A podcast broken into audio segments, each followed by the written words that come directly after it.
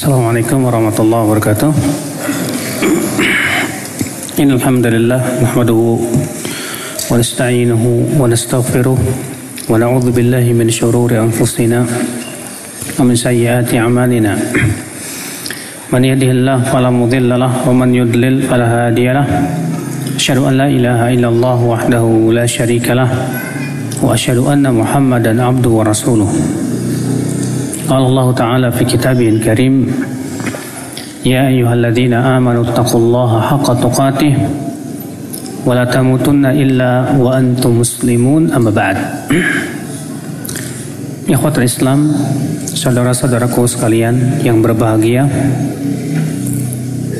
Saya pada sore hari ini menggantikan Al-Ustadz Al-Fadil, Ustadz Abu Haidar Dan kajian saya bertema temanya adalah bagaimana agar kita wafat di atas tauhid. Karena wafat di atas tauhid itu cita-cita setiap muslim.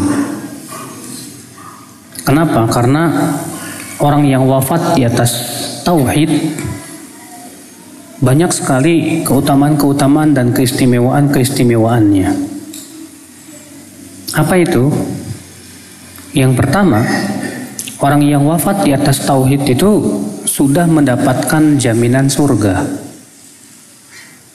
Ya Rasulullah SAW bersabda, "Man kana akhiru kalami la ilaha illallah dakhalal jannah."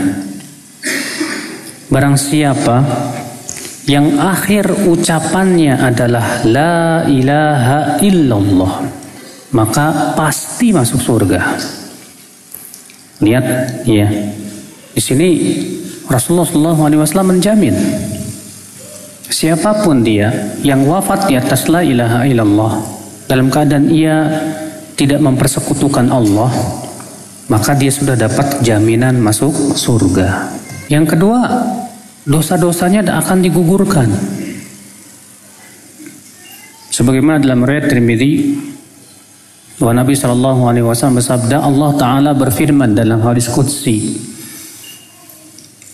Allah berfirman ya bna Adam wahai anak Adam innaka law ataitani biqurabil ardi khataya thumma laqitani la tusyrik bi syai'a la ataituka biqurabihal maghfirah.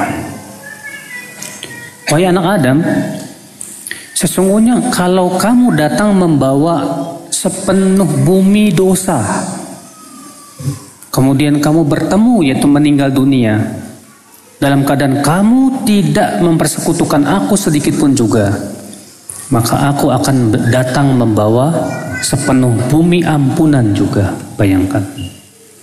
Tapi orang yang wafat dalam keadaan ia tidak mempersekutukan Allah sedikit pun juga, Sebanyak apa pun dosa yang ia lakukan, maka sebanyak itu pula ampunan yang akan Allah berikan. Allahu Akbar. Itu menunjukkan Pak, betapa nikmatnya orang yang wafat di atas apa? Tauhid. Kita khawatir kalau kita wafat di atas syirik. Karena orang yang wafat di atas syirik itu dijamin gak bakalan masuk surga. Allah haramkan orang yang musyrik itu untuk masuk surga. Allah berfirman, "Innahu may yusyrik billah faqad harramallahu alaihi jannah wa ma'wahun nar." Sesungguhnya siapa yang mempersekutukan Allah itu berbuat syirik, maka Allah haramkan ia untuk masuk ke dalam surga dan tempatnya di neraka. Tuh lihat. Jadi orang yang wafat di atas syirik itu ternyata haram masuk neraka, eh masuk surga. Bahkan sekali-kali orang yang wafat di atas syirik itu tidak akan diangkat dari api neraka selama-lamanya. Beda dengan orang yang wafat di atas la ilaha illallah. Kalaupun ia masuk neraka tidak akan lama, ah, maksudnya tidak akan selamanya. Ada waktunya. Suatu ketika Allah akan angkat ia dari api neraka dan dimasukkan ke dalam surga. Rasulullah SAW sabda, "Yakhruju minan nar akan keluar dari api neraka man qala la ilaha illallah." Orang yang mengucapkan la ilaha illallah wa fi qalbihi mithqala dzarratin min min iman. Sementara di hatinya ada sebesar biji sawi dari keimanan. Tuh lihat, ya. Orang yang mentauhidkan Allah itu walaupun dia harus masuk neraka, akhirnya ke surga. Suatu ketika ia akan diangkat dari api neraka dan dimasukkan ke dalam surga. Makanya sekarang yang kita pikirkan adalah bagaimana supaya kita wafat di atas la ilaha illallah. Bagaimana supaya kita wafat di atas tauhidullah jalla wa ala. Ini yang kita pikirkan. Iya. Bagaimana dong caranya? Nah, cara yang pertama agar kita wafat di atas la ilaha illallah maka kita harus betul-betul mengkaji dan mempelajari tentang tauhid. Ya. Kemudian kita mengenal pernak-pernik syirik. Apa sih tauhid? Apa sih macam-macamnya tauhid? Bagaimana sih syirik? Bagaimana warna-warninya syirik? Harus tahu. Bagaimana kita akan selamat dari syirik kalau kita tidak tahu, Pak? Kalau dahulu Hudzaifah ibnu Yamin ber, ibnu Yaman berkata apa? Kana nas yas'aluna Rasulullah sallallahu alaihi wasallam anil khair, fakuntu as'aluhu anis syar. Dahulu salam tentang kebaikan. Adapun aku, aku bertanya tentang keburukan karena aku khawatir apabila aku jatuh pada keburukan. Maka harus kita pelajari tauhid, syirik, tauhid, syirik. Mempelajari tauhid syirik itu nggak cukup dua minggu, tiga minggu, sebulan, dua bulan, nggak seumur hidup. Iya. Memang sih kalau kita belajar kitab tauhid setahun dua tahun selesai kelar. Tapi masalahnya kita bisa nggak mengaplikasikan dalam kehidupan kita sehari-hari? Iya. Bisa nggak kita betul-betul mengaplikasikan tauhid itu dalam kehidupan kita sehari-hari? Ini membutuhkan akhi ya kekuatan. Makanya ini yang pertama wajib kita belajar apa tentang apa? Tentang tauhid. Wajib tentang apa? Tentang syirik. Oleh karena itulah lihat para nabi dan rasul yang pertama kali didakwakan apa? Tauhid. Ketika Rasulullah SAW mengutus Muad ke Yaman, demikian pula para kabilah untuk ber, apa, ke, ke, di, apa namanya mengutus para sahabat ke kabilah-kabilah. Ternyata yang Rasulullah wasiatkan kepada dai-dainya itu tauhid dulu. Sebagaimana Imam Bukhari dan Muslim meriwayatkan, bahwasanya Rasulullah bersabda kepada Muad bin Jabal, "Innaka ta'ti qauman ahlal kitab, falyakun awwala ma tad'uhum ilaih ila an yuwahhidullah." Sesungguhnya engkau hai, hai Muad akan mendatangi suatu kaum dari ahli kitab. Maka hendaklah yang pertama kali kamu dakwahkan yaitu sampai mereka mentauhidkan Allah. Ada tidak nabi yang memulai dakwahnya dari politik? Gak ada. Gak ada pak Rasul yang memulai dakwah dari e ekonomi? Gak ada. Semua nabi, semua rasul yang pertama kali mereka mulai apa? Tauhid, tauhid, tauhid. Iya tidak? Iya. Kenapa? Karena itu kunci diterimanya amal. Amal sebesar apa pun kalau tidak bertauhid percuma. Allah berfirman la in asyrakta la amalu. Jika kamu berbuat syirik, maka Allah akan batalkan seluruh amalanmu. Makanya akal Islam, kenapa para nabi yang pertama kali didakwahkan tuh tauhid dulu, tauhid dulu karena memang itu pondasi amal. Seseorang tidak akan bisa beramal tanpa tauhid. Kenapa seseorang beramal soleh? Karena ia tahu ada Allah. Allah subhanahu wa ta'ala yang memberikan balasan siksa dan neraka. Karena ia yakin betul bahwa Allah subhanahu wa ta'ala satu-satunya zat yang maha kuat, yang maha berilmu, dan dia maha kuasa atas segala sesuatu. Sehingga tauhidnya itulah akan menimbulkan apa? Amal. Makanya penting ya akhi belajar tauhid belajar tauhid. Ya kitab tauhid sudah dipelajari belum tuh? Usul salasa kita pelajari kitab tauhid kita pelajari Iya. Fathul Majid syarah kitab Tauhid kita pahami betul-betul. Kemudian kita pahami juga tentang syirik, warna-warninya, apa sih syirik kecil, apa macam-macamnya, apa tanda-tandanya, bagaimana kejangkitan kalau kita terkena penyakit syirik kecil itu. Nah ini ya akal Islam. Kalau orang nggak paham tentang tahu tentang syirik, ria. Kadang banyak masyarakat kita itu pak ya, dia kalau sholat duha niatnya apa coba? Niat yang paling utamanya ya pengen dapat rezeki. Ya tidak? Iya. Padahal kan kalau niat seseorang ketika dia niatnya karena Allah, yang kedua niatnya bukan karena Allah, berarti ia jatuh kepada syirik tidak? Ia jatuh kepada kesyirikan ya akal Islam kalau ternyata niatnya itu bukan kepada selain Allah Subhanahu wa taala. Ikhwatal iman. Jadi ini yang pertama. Pelajari tauhid, pelajari apa? Syirik. Yang kedua, yang kedua, agar kita wafat di atas syirik yaitu kita selalu mengkhawatirkan diri kita jatuh kepada syirik. Selalu kita ini khawatir jangan sampai jatuh kepada syirik. Sebab kalau kita merasa aman, ah insya Allah iman saya udah kuat kok, yakin nggak bakalan jatuh kepada syirik. Wah Pak, kalau sudah mulai aman dan kalau sudah merasa aman itu rata-rata nanti akan jatuh kepada sikap apa? Meremehkan. Kalau sudah meremehkan tandanya dia akan jatuh.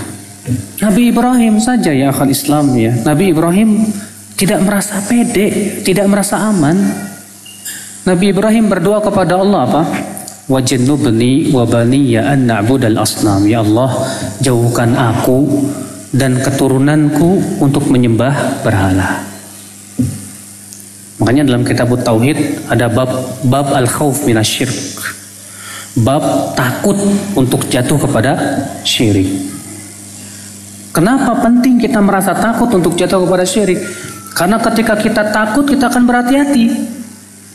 Ya tidak? Iya. Tapi kalau kita tidak merasa takut kita tidak akan hati-hati. Makanya di sinilah ya akal Islam. Kita tumbuhkan rasa takut kepada syirik dengan mengetahui bagaimana bahaya syirik. Ketika kita mengetahui bahaya syirik, maka pada waktu itu akan muncul takut dan khawatir kepada syirik.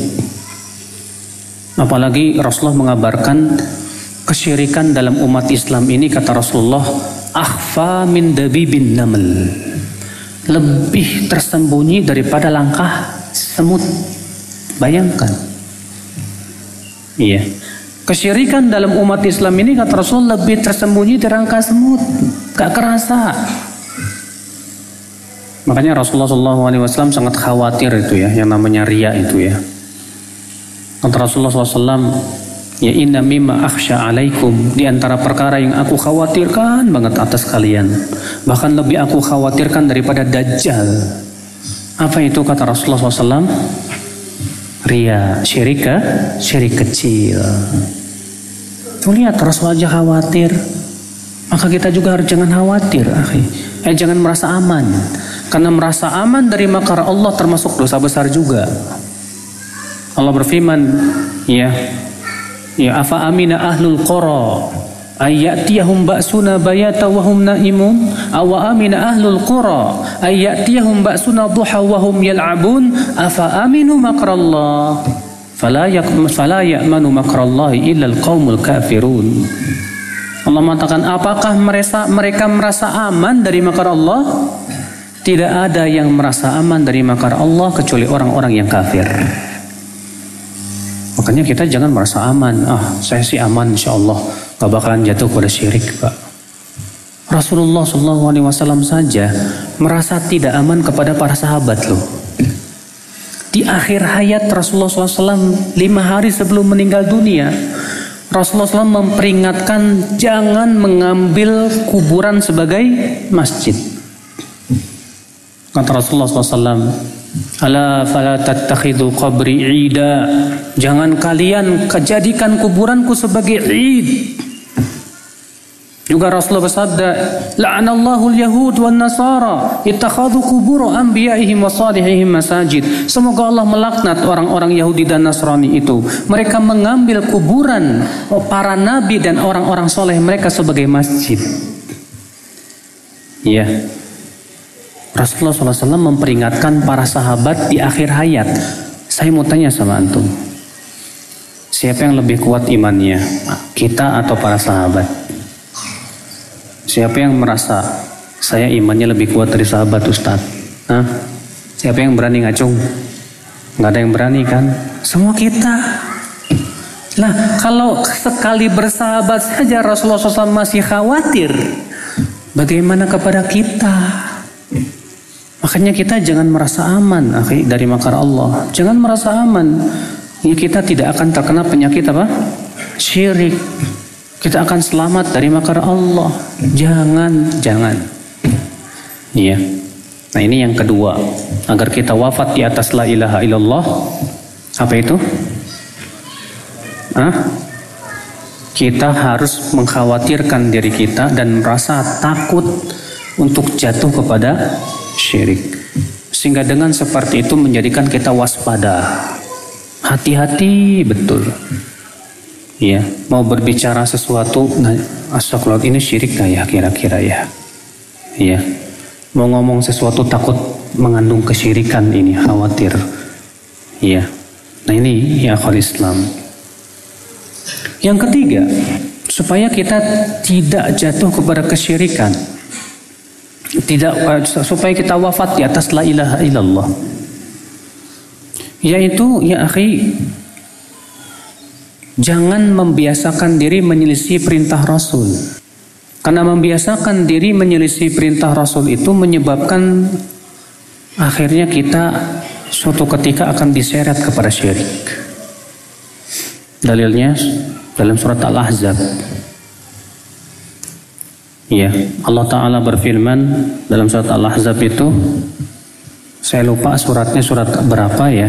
Allah berfirman begini, "Falyahdharil ladzina yukhalifuna an amri an tusibahum fitnatun aw yusibahum adabun alim."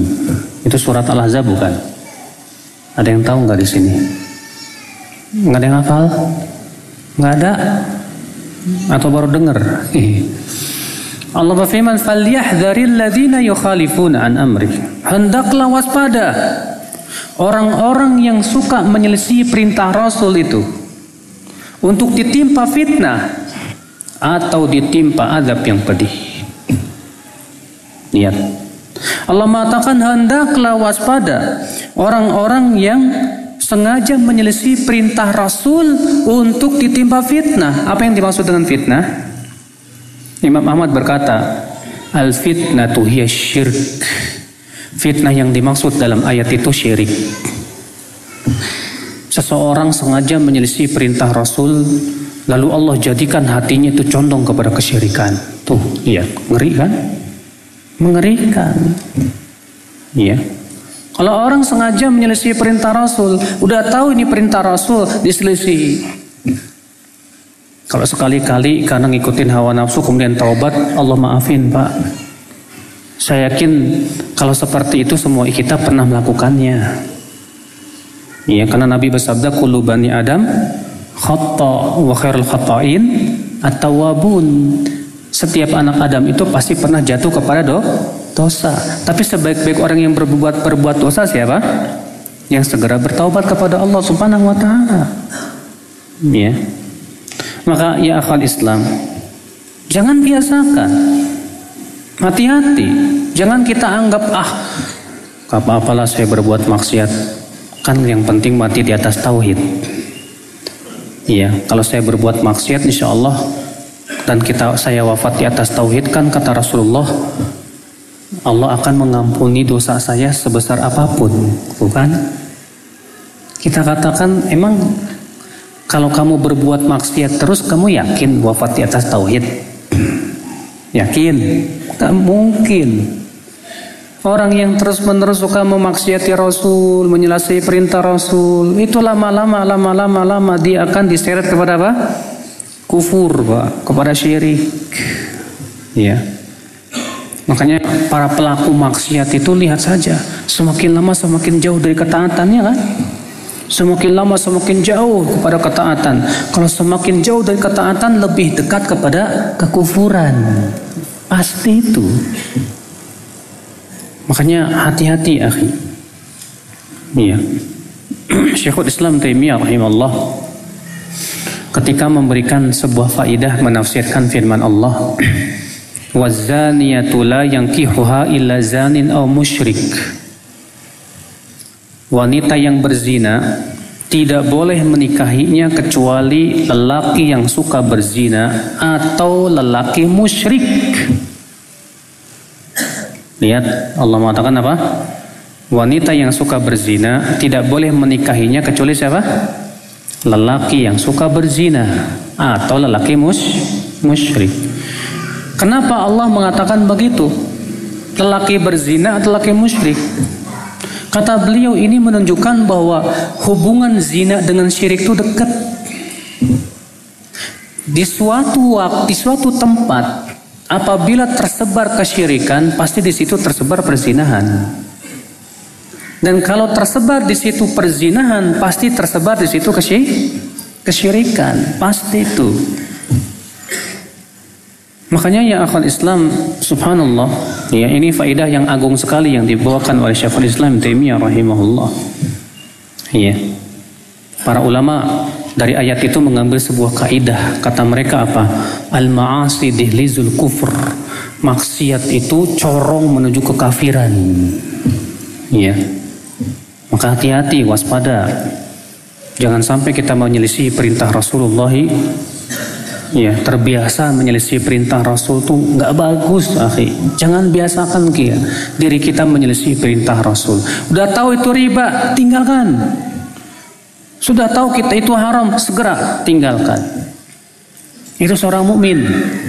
Karena moto seorang mukmin itu sami'na wa ata'na. Kami mendengar kami taat. Itu moto seorang mukmin. Ikhwatul Islam azani Allah wa ini Cara yang keberapa? Yang ketiga, supaya kita wafat di atas apa? Tauhidullah Jalla wa ala. Di atas la ilaha illallah. Cara yang ketiga, eh yang ketiga. Yang keempat, ya agar kita wafat di atas la ilaha illallah. Apa itu banyak-banyak berdoa. Minta kepada Allah supaya kita dipalingkan dari kesyirikan. Di antara doa yang Rasulullah SAW ajarkan ya akhi, ya. Hadis yang disebutkan oleh Al-Hafidh Al-Mundhiri dalam kitab Sahih Targhib wa Tarhib. Rasulullah SAW mengatakan dalam dari hadis Abu Musa Al-Ash'ari, "Man qala siapa yang mengucapkan ya uh, Allahumma inni a'udzubika min an usyrika bika syai'an a'lamu wa astaghfiruka lima la a'lamu. Orang yang mengucapkan Allahumma inni a'udzubika min an usyrika bika syai'an a'lamu. Wa astaghfiruka lima la a'lamu. Ya Allah aku berlindung kepada engkau untuk mempersekutukan engkau dalam keadaan aku tahu. Dan aku memohon ampun kepada engkau dalam perkara yang aku tidak tahu. Kata Rasulullah, siapa yang mengucapkan ini, dia akan terlindung dari syirik kecil maupun syirik besar. Iya. Dia akan terlindung dari syirik kecil maupun syirik apa? Besar. Siapa yang hafal? Hafal nggak? Nggak apa? Ya Allah. Ini hafal. Hafal, coba. Allahumma ini a'udzubika minal khubuthi. Hah? Allahumma ini a'udzubika min an usyrika bika syai'an a'lamu wa astaghfiruka lima la a'lamu. Ada yang hafal? Oh ini berjenggot pasti hafal nih.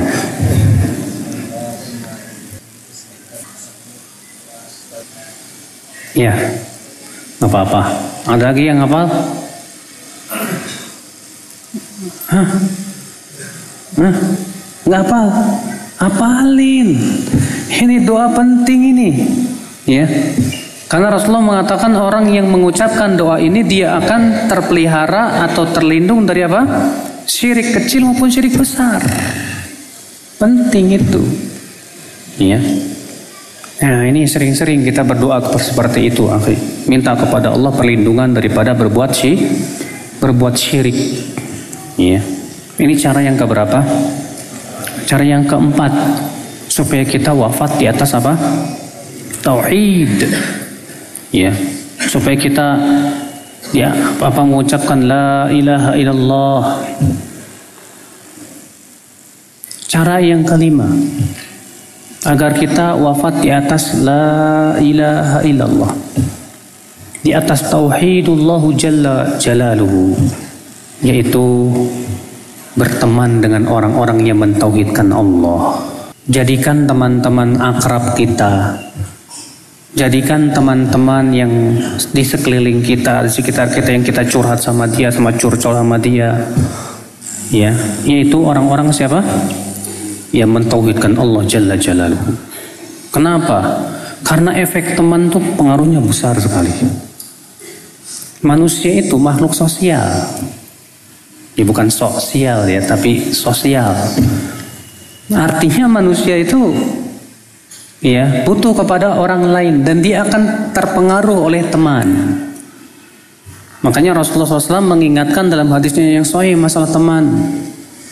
Kata Rasulullah SAW almaru ala dini khalilihi falyandur ahadukum ila man yukhalil. Seseorang itu berada di atas agama temannya. Hendaklah seseorang itu melihat dengan siapa dia? Berteman penting. Ya.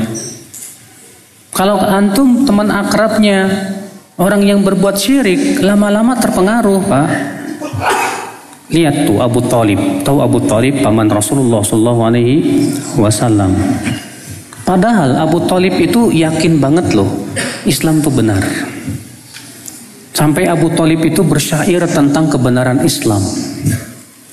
Tapi gara-gara teman wafatnya di atas kufuran.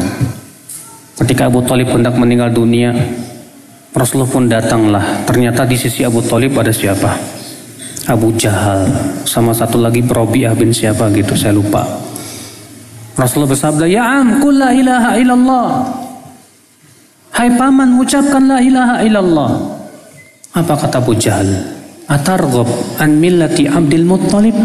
Hai Abu Talib, apakah kamu benci kepada agama bapak kita Abdul Muttalib?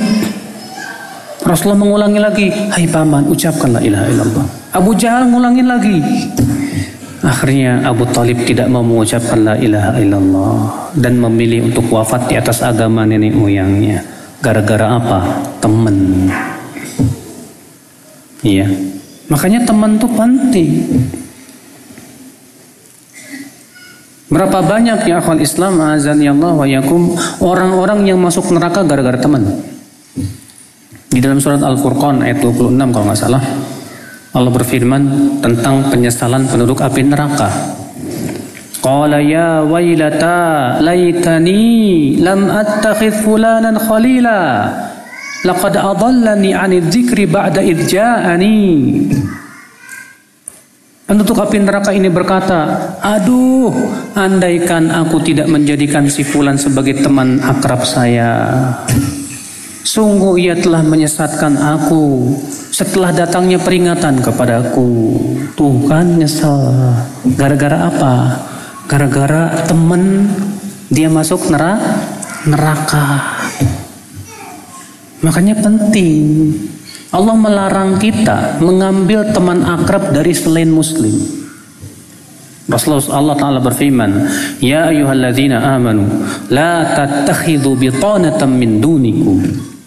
Hai orang-orang yang beriman, jangan kamu ambil bitonah dari selain kalian. Apa itu bitonah? Bitonah itu kata para ulama, teman yang selalu memberikan nasihat, wejangan, yang selalu akrab dengan kita di sekeliling kita itu bitona namanya. Allah melarang ya Ini kok teman akrabnya orang musyrik, gimana coba? Makanya ya akhi, kalau kita ingin wafat di atas la ilaha illallah, hendaknya berteman akrab dengan siapa? Dengan orang yang mentauhidkan la ilaha illallah. Dan keuntungannya ajib, Pak. Kalau kita temannya orang-orang mentauhidkan Allah, kita wafat disolatkan sama mereka. Masya Allah. Kata siap, kata Rasulullah apa? Siapa yang disolatkan oleh 40 orang semuanya mentauhidkan Allah. Kelak ia akan mendapatkan syafaat. Sebutkan dalam riwayat Bukhari dan Muslim, Pak. Dan ini Masya Allah nanti di hari kiamat pun nanti orang-orang teman-teman yang mentauhidkan Allah itu akan membantu kita juga. Kata Rasulullah ketika kaum mukminin telah melewati jembatan sirat yang terbentang di atas api neraka. Lalu mereka pun kembali kepada Allah. Lalu mereka berkata, Ya Rab, ikhwanuna alladhina kanu yusalluna ma'ana wa yasumuna ma'ana. Wahai Allah, teman-teman kami yang dahulu sholat bersama kami, yang dahulu mereka berpuasa bersama kami. Mengapa engkau masukkan ke dalam api neraka? Terus mereka minta kepada Allah supaya teman-temannya dikeluarkan dari api neraka. Akhirnya Allah berfirman, "Idhabu ilan nar." Silahkan kalian pergi ke neraka. Dan ambil teman-teman kalian yang mengucapkan la ilaha illallah. Keluarkan mereka dari api neraka. Maka teman-temannya pun datang, diambilnya teman-temannya dari api neraka. Masya Allah. Ini nikmat banget punya teman-teman yang mentauhidkan Allah itu. Makanya ya kalau kita ingin wafat di atas tauhid, hendaknya kita berteman dengan apa? Dengan orang-orang yang bertauhid. Artinya teman-teman akrab kita yang kita memang akrab dengan mereka. Setiap harinya kita berteman dengan mereka.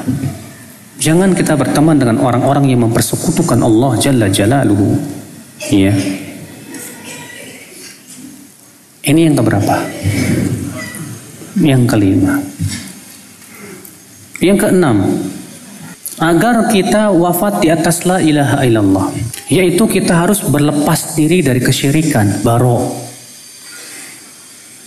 Kita harus apa? Berlepas diri dari kesyirikan dan semua yang berbuah berbau kesyirikan. Berlepas diri semua dari kesyirikan, Pak. Karena itu merupakan konsekuensi daripada la ilaha illallah. Nabi Ibrahim berkata, "Innani bara'um mimma ta'budun min dunih." Ya, sesungguhnya aku berlepas diri dari apakah yang kalian sembah selain Allah Subhanahu wa taala.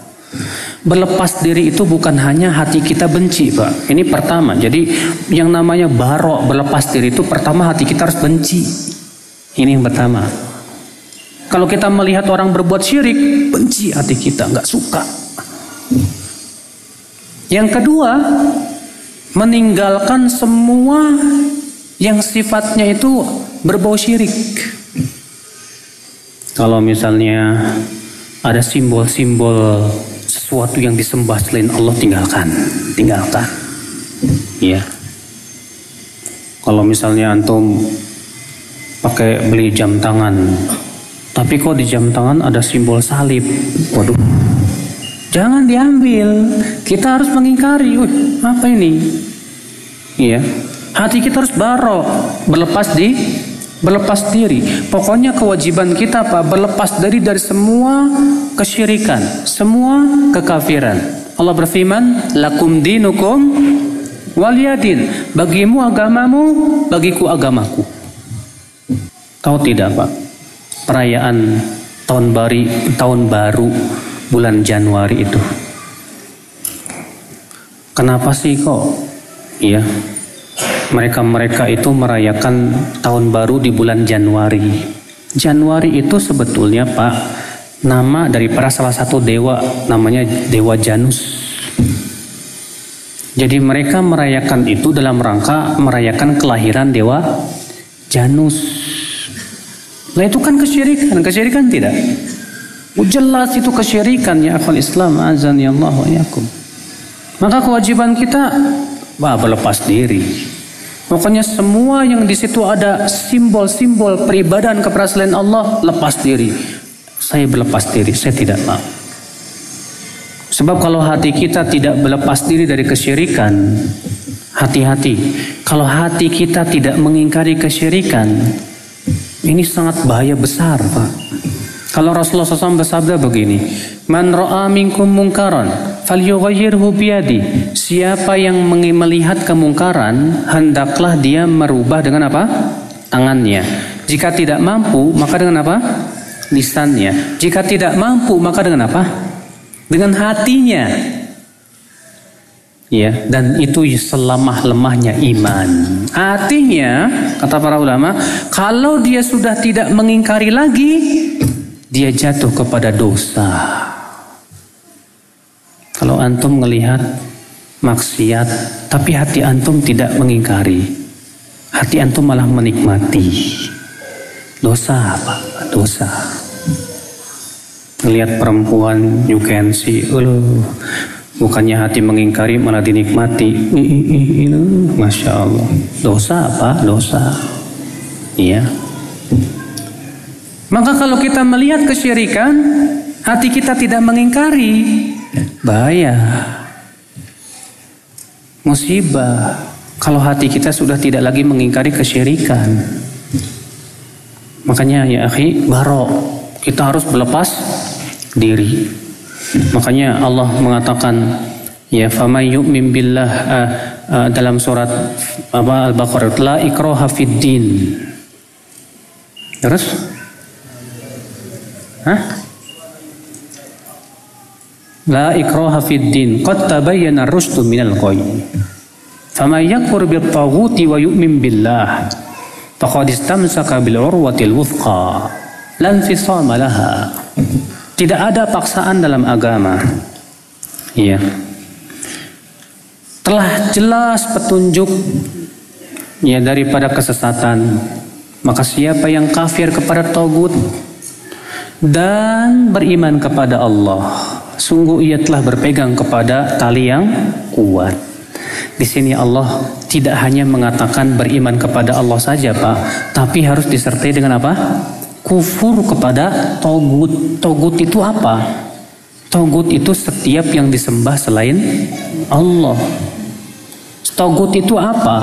Togut itu setiap hamba yang melampaui dirinya batasan dirinya sebagai hamba. Orang yang disembah selain Allah togut. Ya. Orang para dukun togut. Kenapa? Karena mereka sudah melampaui batasan diri mereka sendiri sebagai seorang hamba. Orang yang membuat undang-undang selain undang-undang Allah dan Rasulnya dengan keyakinan bahwa ini sesuatu yang setara dan bahwa Allah menghalalkannya bisa togut itu karena sudah melampaui batas. Makanya ya akal Islam azani Allah wa yakum. Ya, kita harus kufur kepada togut. Kita harus kufur kepada semua yang disembah selain Allah. Jika kita tidak lakukan itu, saya khawatir kita akan wafat di atas ya kesyirikan. Nasallallahu salamata wal afiyah. Ini yang keberapa? Yang keenam. Apa yang keenam itu? Berlepas diri dari kesyirikan dan semua simbol-simbol kesyirikan. Semua simbol-simbol kesyirikan kita harus berlepas diri. Jauhi, harus kufur kepadanya. Ikhwatal Islam, azani Allah wa yakum. Yang terakhir, yang ketujuh, ya, supaya kita wafat di atas La ilaha illallah Iya. Yaitu ya akhwat Islam azani Allah wa iyakum kita ya berusaha semaksimal mungkin membiasakan keim, apa amalan soleh. Membiasakan beramal soleh berbuat taat kepada Allah Subhanahu wa taala. Biasakan baca Quran biasakan sholat tahajud biasakan amalan-amalan yang wajib apalagi kalau yang wajib harus betul-betul kita jaga betul iya Sebab ya akal Islam kalau kita tidak membiasakan kebaikan, tidak membiasakan ketakwaan, kita tidak membiasakan amalan soleh, saya malah nanti kebiasaannya selain itu. Wallah. Orang yang nggak biasa baca Quran biasanya akan biasa baca koran. Orang yang nggak biasa sholat tahajud biasanya ya lebih senang begadang. Lihat orang yang suka begadang sholat tahajud, rata-rata nggak tahajud, pak. Ya. Orang yang tidak membiasakan zikir kepada Allah, akhirnya ingatnya bukan kepada Allah, ingat kepada selain Allah. Nah kalau kita sudah ingatnya kepada selain Allah terus, ingat kepada mainan, ingat kepada si dia dan yang lainnya, wah ini bahaya. Ya. Allah berfirman, "Wa may ya'shu an dzikrir rahman nuqayyid lahu syaitanan fahuwa lahu qarin." Barang siapa yang berpaling dari berzikir kepada Ar-Rahman, kami akan jadikan setan sebagai teman yang akan menemani dia. Tuh, dia. Biasakan kebaikan. Kalau kita tidak membiasakan ketaatan, kita akan membiasakan kepada kemaksiatan. Nah, inilah tujuh perkara yang akan Islam insya Allah. Apabila kita lakukan Mudah-mudahan kita termasuk orang yang diwafatkan di atas la ilaha illallah. Baik, saya kira cukup sampai di sini pembahasan kita buka tanya jawab. Ada yang mau nanya enggak? Allah.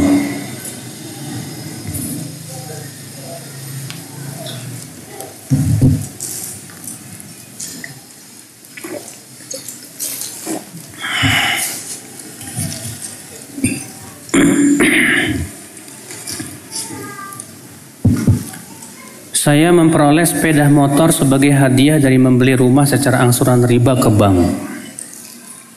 Ada kemungkinan motor tersebut berasal dari cashback pengajuan KPR. Apakah sepeda motor tersebut haram bagi saya? Antum beli rumah secara angsuran riba, itu saja sudah kena laknat. Kemudian dari beli rumah itu dapat hadiah motor, berarti anaknya riba. Sesuatu yang bercabang dari riba ya haram, Mbak. Iya.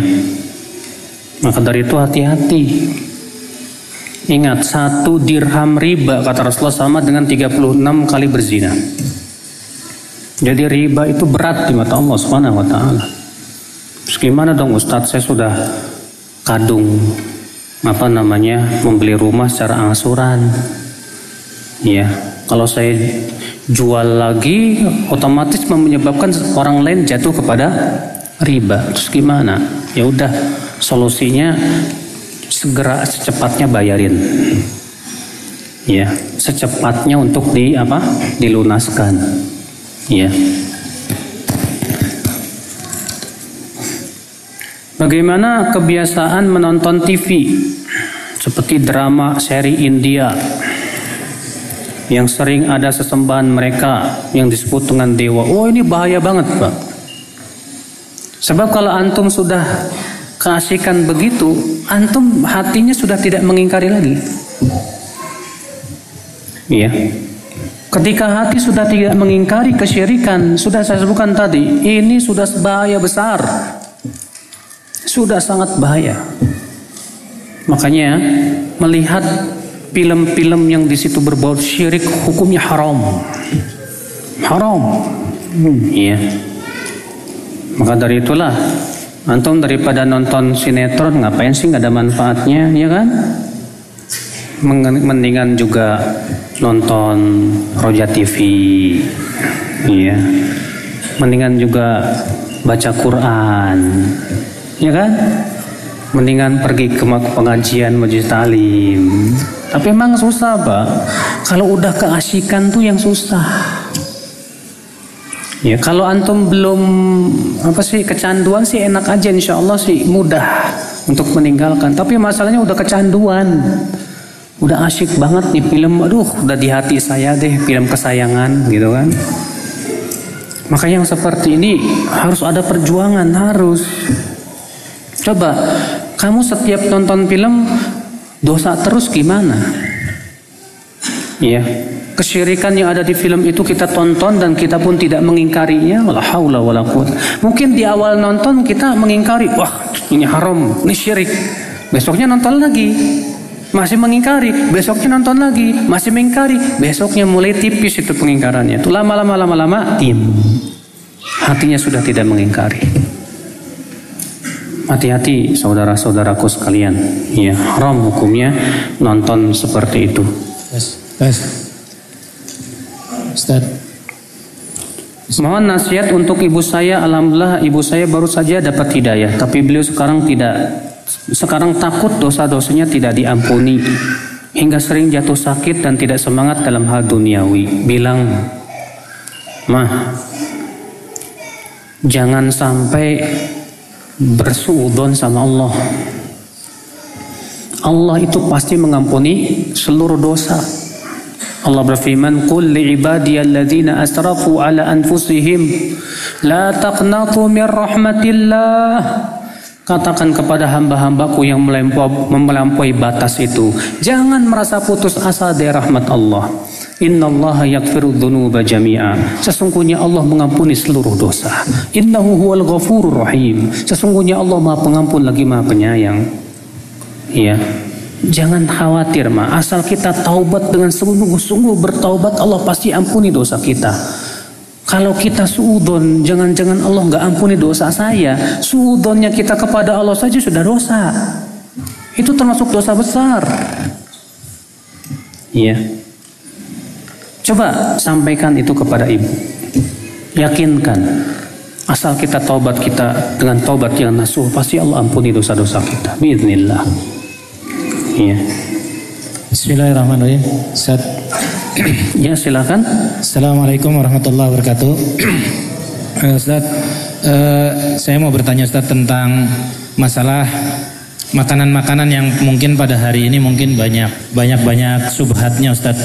Maaf dalam hal umpamanya makanan-makanan yang kita belum tahu kehalalannya atau uh, alat-alat sehari-hari kebersihan kita yang mungkin kita belum tahu kehalalannya. Bagaimana Ustaz uh, sikap kita terhadap uh, makanan atau alat-alat kebersihan seperti pasta gigi atau sabun gitu Ustaz? Iya. Baik, jazakallah Ustaz. Assalamualaikum warahmatullahi wabarakatuh. Waalaikumsalam warahmatullahi wabarakatuh. Apabila kita merasa ragu, ini halal apa haram? Maka pada asalnya kita tidak boleh haramkan dulu. Namun kata para ulama, termasuk sikap warok adalah meninggalkan segala sesuatu yang masih diragukan haram atau halalnya. Jadi kalau kita tahu ini, ini saya ragu ini halal apa haram ya, maka kita tidak boleh haramkan dulu karena tidak boleh mengharamkan dengan perkara yang meragukan. Tapi kita pun jangan konsumsi dulu sebagai waroknya kita.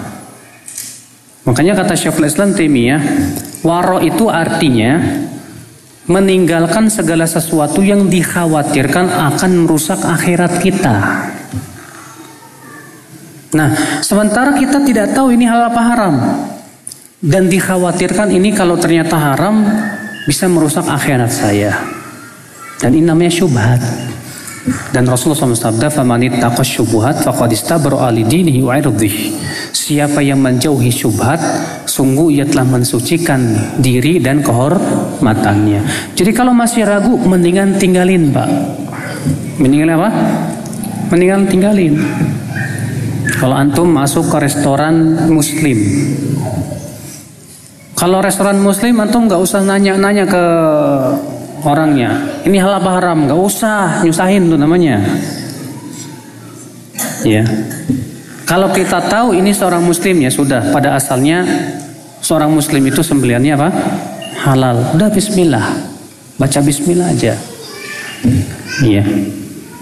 Sebagai disebutkan dalam hadis bahwa Aisyah berkata ya Rasulullah, "Inna qauman hadithi ahdin bi kufrin ya'tunana bilahmin la nadri adzukira rasmullah fi amla." Wahai Rasulullah, ada suatu kaum yang mereka baru masuk Islam dan mereka memberikan hadiah kepada kita daging ya Rasulullah. dan kita tidak tahu mereka baca bismillah apa enggak. Bagaimana ya Rasulullah? Kata Rasulullah, baca bismillah, makanlah. Maksudnya apa? Maksudnya karena dia seorang muslim pada asalnya apa? Halal. Maka bacalah bismillah, makan. Itu, Pak. Jadi kalau kita tahu nih restoran muslim, ya udah bismillah aja. Tapi kalau kita tahu ini restoran bukan muslim, bukan muslimnya siapa? Ahli kitab. Nah sekarang kita lihat ahli kitab di Indonesia siapa? Nasrani baik. Orang Nasrani di Indonesia biasanya mereka baca Bismillah nggak kalau menyembelih? Faham nggak? Kalau nggak nggak faham kebanyakan nggak tahu. Ya berarti kita hati hati-hati. Ya. Makanya ya akal Islam. Kalau restoran Yahudi, insya Allah kalau Yahudi sembelihannya halal, Pak. Karena Allah Subhanahu wa taala menghalalkan sembelihan ahli kitab untuk umat Islam. Dan orang Yahudi itu Pak, dalam masalah sembelihan itu ekstra ketat. Mereka itu kalau menyembelih selalu membaca bis Bismillah. Beda dengan orang Nasrani. Orang Nasrani banyak yang pak paham. Iya.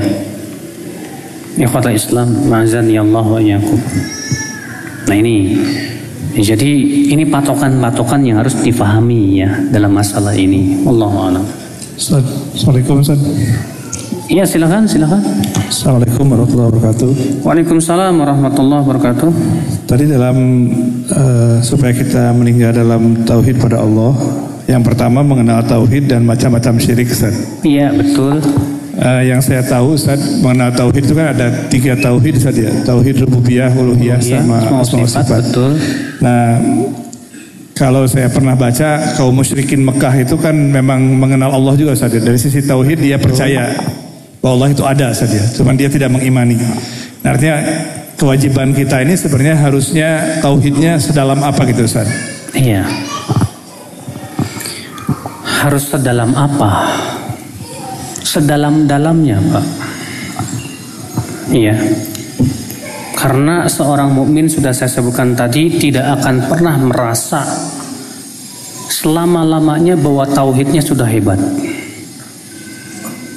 Nggak boleh seorang muslim berkata tauhid saya sudah mantap. Insya Allah nggak bakalan jatuh syirik. Wah ini berarti itu tauhidnya ya dalam bahaya.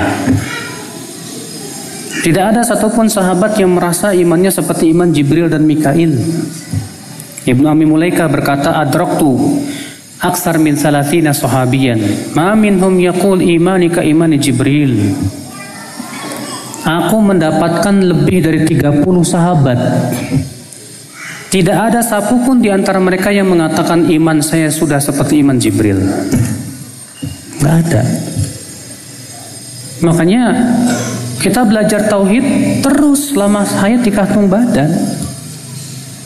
Karena masalahnya kita tidak pernah pede, tidak pernah kita yakin bahwa tauhid saya sudah benar gitu loh. Iya. Nah ini, jadi kalau berbicara masalah sedalam-dalamnya apa nggak ada batasnya pak. Sampai kita wafat di atas la ilaha illallah. Sampai kita wafat di atas tauhid, baru kita selamat. Alhamdulillah. Paham pak? Alhamdulillah. Oke. Bismillah. Assalamualaikum warahmatullahi wabarakatuh. Waalaikumsalam warahmatullahi wabarakatuh. Ustadz yang saya mau tanyakan kan kemarin di Anafi Ustadz menyatakan bahwa kalau kita menjual barang bukan milik kita haram. Seharusnya barang kita beli dan kita jual lagi. Kalau kita seandainya bekerja sebagai marketing perumahan syariah otomatis kan kita nggak beli rumah itu tapi kita ada rumah yang mau dijual kita tawarkan. Itu hukum hukumnya termasuk haram atau tidak Ustadz? Terima kasih. Wassalamualaikum warahmatullahi wabarakatuh. Waalaikumsalam warahmatullahi Jangan kenceng-kenceng bu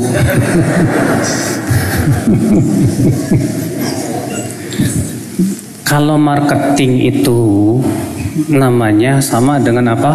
Agen. Berarti dia sebagai wakil. Ya. Adapun wakalah mewakilkan orang lain untuk menjualkan barang milik kita, semua ulama sepakat boleh. Kalau antum mengatakan kepada si A, A, tolong dong jualin mobil saya nih. Akhirnya si A ngejualin karena dia disuruh dia sebagai wakil saya. Boleh? Boleh. Seluruh rumah sepakat boleh, apa-apa. Padahal itu kan barang belum bukan milik dia, betul. Tapi masalahnya dia sudah mendapatkan apa? Mandat dan sudah, sebagai apa? Wakil. Kalau permasalahan yang di, kemarin bukan. Dia hanya sebatas pakai katalog punya orang, ditawarin ke orang-orang yang mana nih, ya. Padahal dia bukan wakil. Maka ini nggak boleh. Yang seperti ini tidak diperbolehkan. Paham nggak bu? Bu, kok diem aja? Tadi kenceng banget. Paham? Alhamdulillah. Apa? Alhamdulillah sudah paham Ustadz. Oh, Terima kasih. Alhamdulillah. Apakah kerabat yang memiliki hubungan nasab namun dia keluar dari Islam, apakah dia masih jadi mahram, Ustadz? Ya. Apakah orang kafir yang non muslim bisa menjadi mahram buat muslimah? Misalnya muslimah Iya, ini punya saudari, saudara laki-laki tapi non muslim. Apakah jadi bisa jadi mahram? Jawabnya boleh. Iya. Karena mahram itu adalah tidak ditentukan apakah dia seorang muslim atau bukan. Yang penting dia mahram kita. Karena tujuan daripada mahram itu kata jumhur ulama untuk keamanan. Iya. Maka tujuan itu ada dalam hal seperti itu. Kecuali kalau kita tahu kalau ya kakak kita atau non muslim ini sudah sangat benci banget kepada Islam dan kaum muslimin dan bermakar untuk Islam dan kaum muslimin sehingga kita tidak merasa aman dari makar dia. Jangan. Iya. Halo, Assalamualaikum. Waalaikumsalam warahmatullahi wabarakatuh. Uh, Afwan Ustaz, ada pertanyaan yang masuk dari uh, pendengar kerja Bandung. Bisa di bisa ditangkap dengan jelas? Silakan, silakan. Ya baik. Uh, dari hamba Allah di Bandung, apa dampaknya tidak bisa baca Al-Quran tapi sholat, puasa dan zakat dikerjakan? Apa apa apa? Apa dampaknya? Apa? Tidak dampaknya Ustaz. Dampaknya ya tidak bisa baca Al-Quran tapi sholat puasa zakat kerjakan tidak bisa baca Quran, tapi Ya, dia sholat, dia Puasa, zakat, dia puasa. Ya. Oke, ya silakan Ustaz sudah? Sudah. sudah Ustaz Dalam hadis yang sahih dari dalam buku Bukhari dan Muslim, Rasulullah memberikan perumpamaan. Masalul mu'min alladhi yaqra'ul Qur'an mith kamathalil utrujjah. Ta'muhu tayyib, ta'muha tayyib, warihuha tayyib. Perumpamaan muslim yang membaca Quran itu seperti buah utrujah. Rasanya manis, harum, jaga juga wanginya. Wanginya itu harum. Dan perumpamaan muslim yang tidak membaca Al-Quran seperti kurma. Rasanya manis, tapi nggak ada harumnya. Dan perumpamaan orang ya munafik yang dia itu ya eh, membaca Quran seperti buah apa? Saya lupa. Buah Qadarullah saya lupa ya. Yang harum baunya tapi pahit rasanya. Dan perum- perumpamaan orang munafik yang tidak membaca Quran seperti hamdolah baunya busuk rasanya juga pahit Nah, di situ Rasulullah memberikan perumpamaan muslim yang tidak tidak bisa baca Quran. Itu seperti kurma, artinya masih manis gitu loh. Iya. Sholatnya terima ya diterima kak. Asal sholatnya baca Quran. Jangan baca mantra. Kalau sholatnya pakai Al-Fatihah, surat, Alhamdulillah. Walaupun nggak bisa baca Quran ya harus harus dia hafalkan lah sebagian surat. Iya. Dia zakat, dia puasa, alhamdulillah. Tapi berusahalah untuk baca Qur, baca Quran. Di zaman Rasulullah ada sahabat yang nggak bisa baca Quran, pak. Ya. Disebutkan dalam sebuah kisah siapa itu? Abdullah bin Rawahah. Di mana Abdullah bin Rawahah pernah mensetubuhi budak hamba sahayanya. Eh, rupanya ketahuan sama istrinya. Lalu kemudian Abdullah bin Rawahah pun ya membacakan apa gitu dan di situ, di situ disebutkan dalam kisah tersebut wakana la taqra'ul Quran wakanat la taqra'u dan adalah istrinya Abu Rawahah itu nggak bisa baca Quran Iya. Artinya ada di zaman sahabat, di zaman Rasulullah orang-orang yang tidak bisa baca apa? Quran. Bahkan kebanyakan sahabat itu ummi. Apa itu ummi? Tidak bisa baca, tidak bisa tulis. Kebanyakan sahabat itu hanya hafal Quran, Mbak. Tapi baca nggak bisa. Ya, nulis nggak bisa. Nah itu tapi tentunya berusaha semaksimal mungkin untuk bisa baca Al-Quran. Walaupun bacaannya, aduh malu Ustadz saya bacanya tersendat terbata-bata, nggak apa-apa. Kata Rasulullah SAW, ya orang yang mahir baca Quran itu ma'asafaratil ma, ma, ya kiram bersama malaikat yang mulia. Waladiyata dan orang yang bacanya terbata-bata diberikan dua pahala pahala baca Qurannya, pahala capeknya. Iya. Bismillah. Assalamualaikum Ustaz. Waalaikumsalam warahmatullah. Uh, Ustaz, saya mau nanya kalau misalkan saya mau terbebas dari riba sementara apa, saya apa? Saya uh, pengen terbebas dari riba. Sementara saya mempunyai rumah cicilan dan uh, jelas Ibu. Pengen keluar dari riba? Ya, un untuk saat ini saya mempunyai rumah cicilan dan rumah cicilan itu mau dijual. Uh, apakah dengan saya menjual rumah tersebut saya menyambung riba kepada orang lain? Dan apakah kalau misalkan hasil penjualan rumah yang masih cicilan itu dibelikan sesuatu, apakah itu boleh? Sudah saya jawab sebetulnya tadi Bu. Kalau kita lagi nyuci rumah dan belum selesai cicilan, boleh nggak kita jual ke orang? Mau tidak mau, pasti kita pertama akan menjual hutang di atas hutang. Dan itu sendiri sudah haram, nggak boleh. Sudah begitu menyebabkan orang lain jatuh kepada riba juga. Makanya sudah saya sebutkan tadi solusinya apa lunaskan secepatnya. Solusinya itu lunaskan secepatnya. Dari mana duitnya ya berusaha carilah.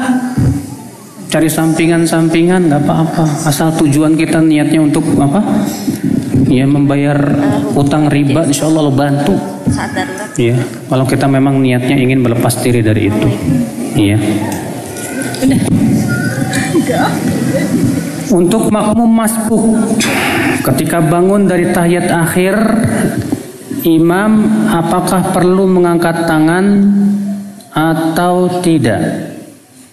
Untuk makmum masbuk ketika bangun dari tahiyat akhir imam ya, apakah perlu mengangkat tangan lagi atau tidak? Tergantung rakaat keberapa itu. Kalau dia rakaatnya kedua, maka disunahkan mengangkat tangan. Kalau rakaatnya ganjil, maka boleh sih. Karena disebutkan dalam hadis Rasulullah SAW pernah sholat dan mengangkat tangan di setiap kali naik dan setiap kali turun. Boleh-boleh saja. Tapi itu jangan dirutinkan. Karena Rasulullah tidak merutinkan hal itu. Assalamualaikum. Waalaikumsalam warahmatullah. Pertanyaan selanjutnya Ustaz dari pendengar Roja Bandung. Halo? Halo? Ya, bagaimana dengan orang yang wafat membawa hutang? Membawa hutang? Membawa hutang tidak bisa melunasi hutangnya. Uh, terus? Iya, bagaimana uh, dengan kondisi Seperti yang itu? Ya. Orang yang wafat di atas tauhid tapi bawa utang. Gimana nih? Orang yang berhutang tuh tidak lepas dari dua keadaan. Keadaan yang pertama, orang yang menganggap remeh pembayaran hutang. Maka kelak orang seperti ini dia akan bayar di hari kiamat dengan amalan-amalan solehnya. Keadaan yang kedua, orang yang tidak menganggap remeh pembayar hutang dan dia serla terus berusaha semaksimal mungkin untuk bayar utang.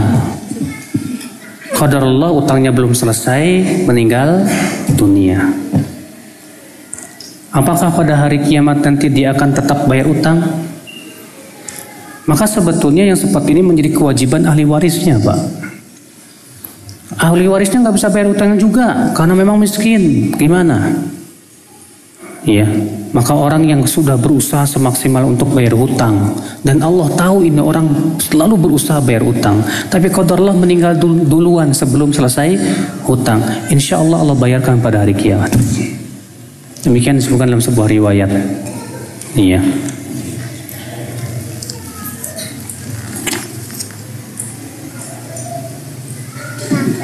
Saya bekerja di pertaksian Ustadz. Gimana kalau saya dapat penumpang perempuan satu orang? Secara otomatis saya pasti berduaan dengan perempuan itu di mobil. Hukumnya gimana ya Ustadz? Gak tahu. Nanyain Ustadz Abu Haidar aja ya. Assalamualaikum Ustadz. Waalaikumsalam. Silakan Bu. Begini Ustadz, uh, hukum BPJS itu kan kita tahu ya subhat ya. Terus uh, kalau dalam keadaan darurat gimana Ustadz? Misalkan kita udah nggak punya nggak punya apa-apa gitu, uh, terus kita perlu biaya uh, penyakit untuk untuk pengobatan penyakit yang berat gitu Ustadz itu gimana hukumnya? Pertanyaannya tadi bagaimana dalam keadaan darurat? Kaidah syariat juga sudah jelas. Wab'ad darurah tubihul mahdurat. Sesuatu yang sifatnya darurat itu membolehkan sesuatu yang terlarang. Maka kalau memang darurat banget, ya gimana lagi? Allah maafkan insya Allah. Apalagi saya dengar nanti pemerintah mewajibkan setiap warga negara Indonesia harus ya BPJS maka kalau seperti ini dipaksa namanya Pak. Ya kita nggak punya pilihan lagi ya sudah gimana lagi. Kalau keadaannya seperti itu ya kita tidak bisa menghindar. Kalau kita terus menerus maksiat Ustaz, tobat maksiat lagi, tobat maksiat lagi. Kira-kira masih Allah masih menerima tobat kita enggak ya? Masih. Iya selama kita terus bertobat dan terus bertobat. Saya mau tanya sama antum. Antum pernah taubat nggak? Hah? Sering. Tapi setelah taubat maksiat nggak? Maksiat. Habis itu taubat lagi nggak? Taubat lagi. Habis itu maksiat lagi nggak? Siapa yang tidak seperti itu di antara kita, Pak? Al Hasan Al Basri pernah ditanya, Hai Hasan, gimana saya ini? Saya ini berbuat maksiat terus saya taubat lagi kepada Allah. Kemudian saya jatuh lagi kepada maksiat. Saya taubat lagi sama Allah. Saya jatuh lagi kepada maksiat. Saya taubat lagi kepada Allah. Kata, kata Al Hasan Al Basri apa? Ya udah, memang begitu orang Muslim begitu pasti semuanya begitu kata Al Hasan Al Basri. Siapa yang tidak seperti itu? Mumin mana yang tidak seperti itu? Iya, Ibnu Katsir ketika menafsirkan firman Allah, "Walladzina idza fa'alu fahishatan aw dhalamu anfusahum dzakarullah fastaghfiru fastaghfiru lidzunubihim." Dan orang-orang yang apabila melakukan perbuatan dosa, segera mereka ingat Allah dan istighfar. Ibn Kathir mengatakan ayat ini masuk juga bagi mereka yang istighfar dosa lagi, istighfar dosa lagi, istighfar dosa lagi. Asal jangan dosa yang sama itu itu lagi, itu itu lagi. Karena Rasulullah mengatakan seorang mukmin itu tidak tidak boleh jatuh kepada satu lubang dua dua kali. Iya, walaupun memang terkadang jatuh kepada yang sama tapi ya asal jatuhnya kepada maksiat itu Pak bukan karena apa?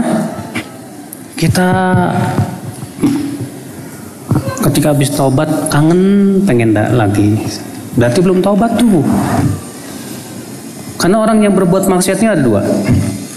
Ada orang yang berbuat maksiat karena terdorong oleh syahwat dan mengikuti hawa nafsu. Setelah itu dia taubat pada Allah dan ingat pada Allah istighfar.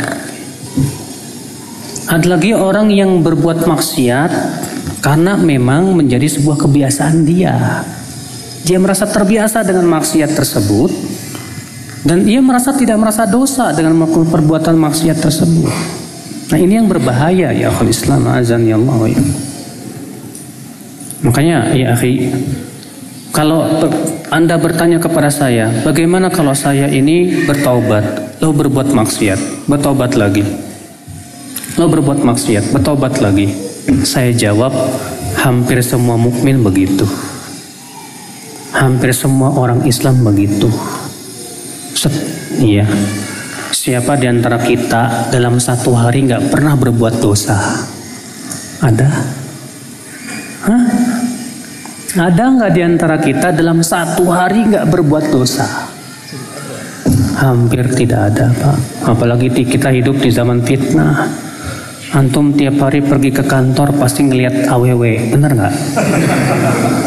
Iya kan? Apalagi kalau AWW-nya seksi, uluh, sampai nabrak motornya jeger, uluh, astagfirullahaladzim, ya, gara-gara nonton ngeliatin itu. Ya, setiap hari dosa mata kita nggak? Dosa mata kita. Kita kita sadar dosa astagfirullah astagfirullah. Tapi gimana ya Ustadz? Saya lingkungannya udah begini. Saya pergi ke kantor ya begitu saya pergi ke apalagi sekolah kuliah yang campur-campur ya Gak lepas dari dosa setiap hari dosa lagi dosa lagi dosa lagi gimana makanya kita banyak-banyak istighfar. Banyak-banyak apa? Taubat terus istighfar terus taubat terus perbanyak terus ya akhal Islam. Azan ya Allah yakum terutama di zaman ini. Assalamualaikum Ustaz. Waalaikumsalam warahmatullahi wabarakatuh. Ustaz ada pertanyaan tentang kemusyrikan Ustaz. Eh, saya melihat di negara kita ini praktek kemusyrikan masih sangat banyak Ustaz. jelas betul Saya di kota saya di Sukabumi misalnya Ustaz, itu hari nelayan kalau tidak melempar kepala kerbau ke laut, mereka merasakan bahwa sulit untuk dapat sesuatu rezeki oleh nelayan setempat. betul Kemudian di Cirebon acara Maulid juga panjang jimat itu apa eh, berebutlah air itunya gitu. Kemudian di Jogja di mana-mana. Nah itu bagaimana Ustaz? Artinya itu siapa yang bertanggung jawab? Apakah peran ulama atau peran pemerintah supaya kemusyrikan ini hilang gitu Ustaz? Supaya masyarakat ini tidak terus-menerus terjerumus dalam kemusyrikan.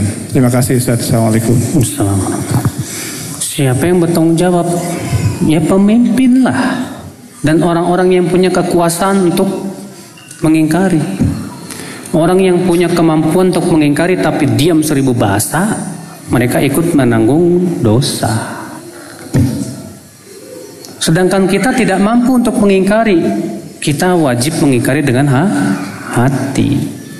Kalau kita bisa mengingkari dengan mulut kita, lisan kita mengingkari harus ingkari dengan mulut kita. Kalau kita punya kekuasaan dan kita mampu mengingkari, ingkari dengan kekuasaan kita. Maka kalau ternyata ya penguasa dan mereka sebetulnya mampu mengingkari tapi ternyata tidak mengingkari, mereka menanggung apa? Dosa. Makanya kan nggak enak ya, jadi pemimpin tuh nggak enak mas. Karena semua dosa yang berada di wilayahnya dan dia diamkan, dia ikut menanggung apa? Dosa nanti pada hari kiamat gimana itu? Iya, Allah musta'an itiklan. Bagaimana caranya agar istri mau pakai hijab Ustadz? Saya sudah coba kasih tahu dengan dalil, dengan membelikan kerudung dan lain-lain. Tapi istri saya masih tetap nggak mau dengan alasan belum siap. Saya sudah hampir sebu ya bosan menyuruhnya Ustadz. Tapi setiap sholat saya berharap Allah memberi hidayah Ustadz. Apakah cukup dengan hanya berharap hidayah saja? Coba Pak tanya ke sales. Gimana sih caranya kamu kok bisa jualan laku gitu? Kalau sales itu kan pinter ya, supaya konsumen tuh mau beli caranya gimana? Hah? Dipuji-puji ini barangnya istimewa ini, masya Allah. Bayangkan Pak, ini begini, begini, begini, begini. Coba deh, antum seperti sales nawarin jilbab ke istri. Bilang mah, tahu nggak mah, jilbab itu luar biasa mah. Iya. Kamu itu kalau pakai jilbab bagaikan bidadari di surga mah. Masya Allah. Gitu dong. Ini nyuruhnya sambil melotot, sambil marah-marah. Susah kalau seperti itu. Tapi coba ya dengan lemah lembut, kasih sayang, kuatkan akidahnya dulu. Kuatkan apa? Waduh, ya istri saya ini kok nggak mau pakai jilbab. Asalnya kenapa ya? Oh, rasa takut kepada Allahnya masih sedikit. Nah, berarti rasa takutnya dikuatin dulu tuh. Caranya gimana? Hah? Dikenalkan kepada Allah. Siapa Allah Tuhan kita? Terus apa? Ingatkan kepada surga dan cerita tentang surga dan neraka, gimana dahsyatnya, tentang kematian, di mana dahsyat. Makanya lihat Rasulullah SAW dahulu mendakwai para sahabat nggak langsung nggak langsung nyuruh pakai jilbab, nggak. Kata Aisyah, yang pertama kali yang pertama kali turun dari Al-Quran tentang surga dan neraka.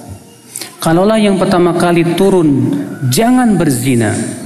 Barangkali kami tidak akan meninggalkan perzinahan. Kalaulah yang pertama kali turun, jangan mencuri. Barangkali kami tidak akan meninggalkan pencurian. Kenapa? Karena akidah belum ada. Rasa takut kepada Allah belum ada.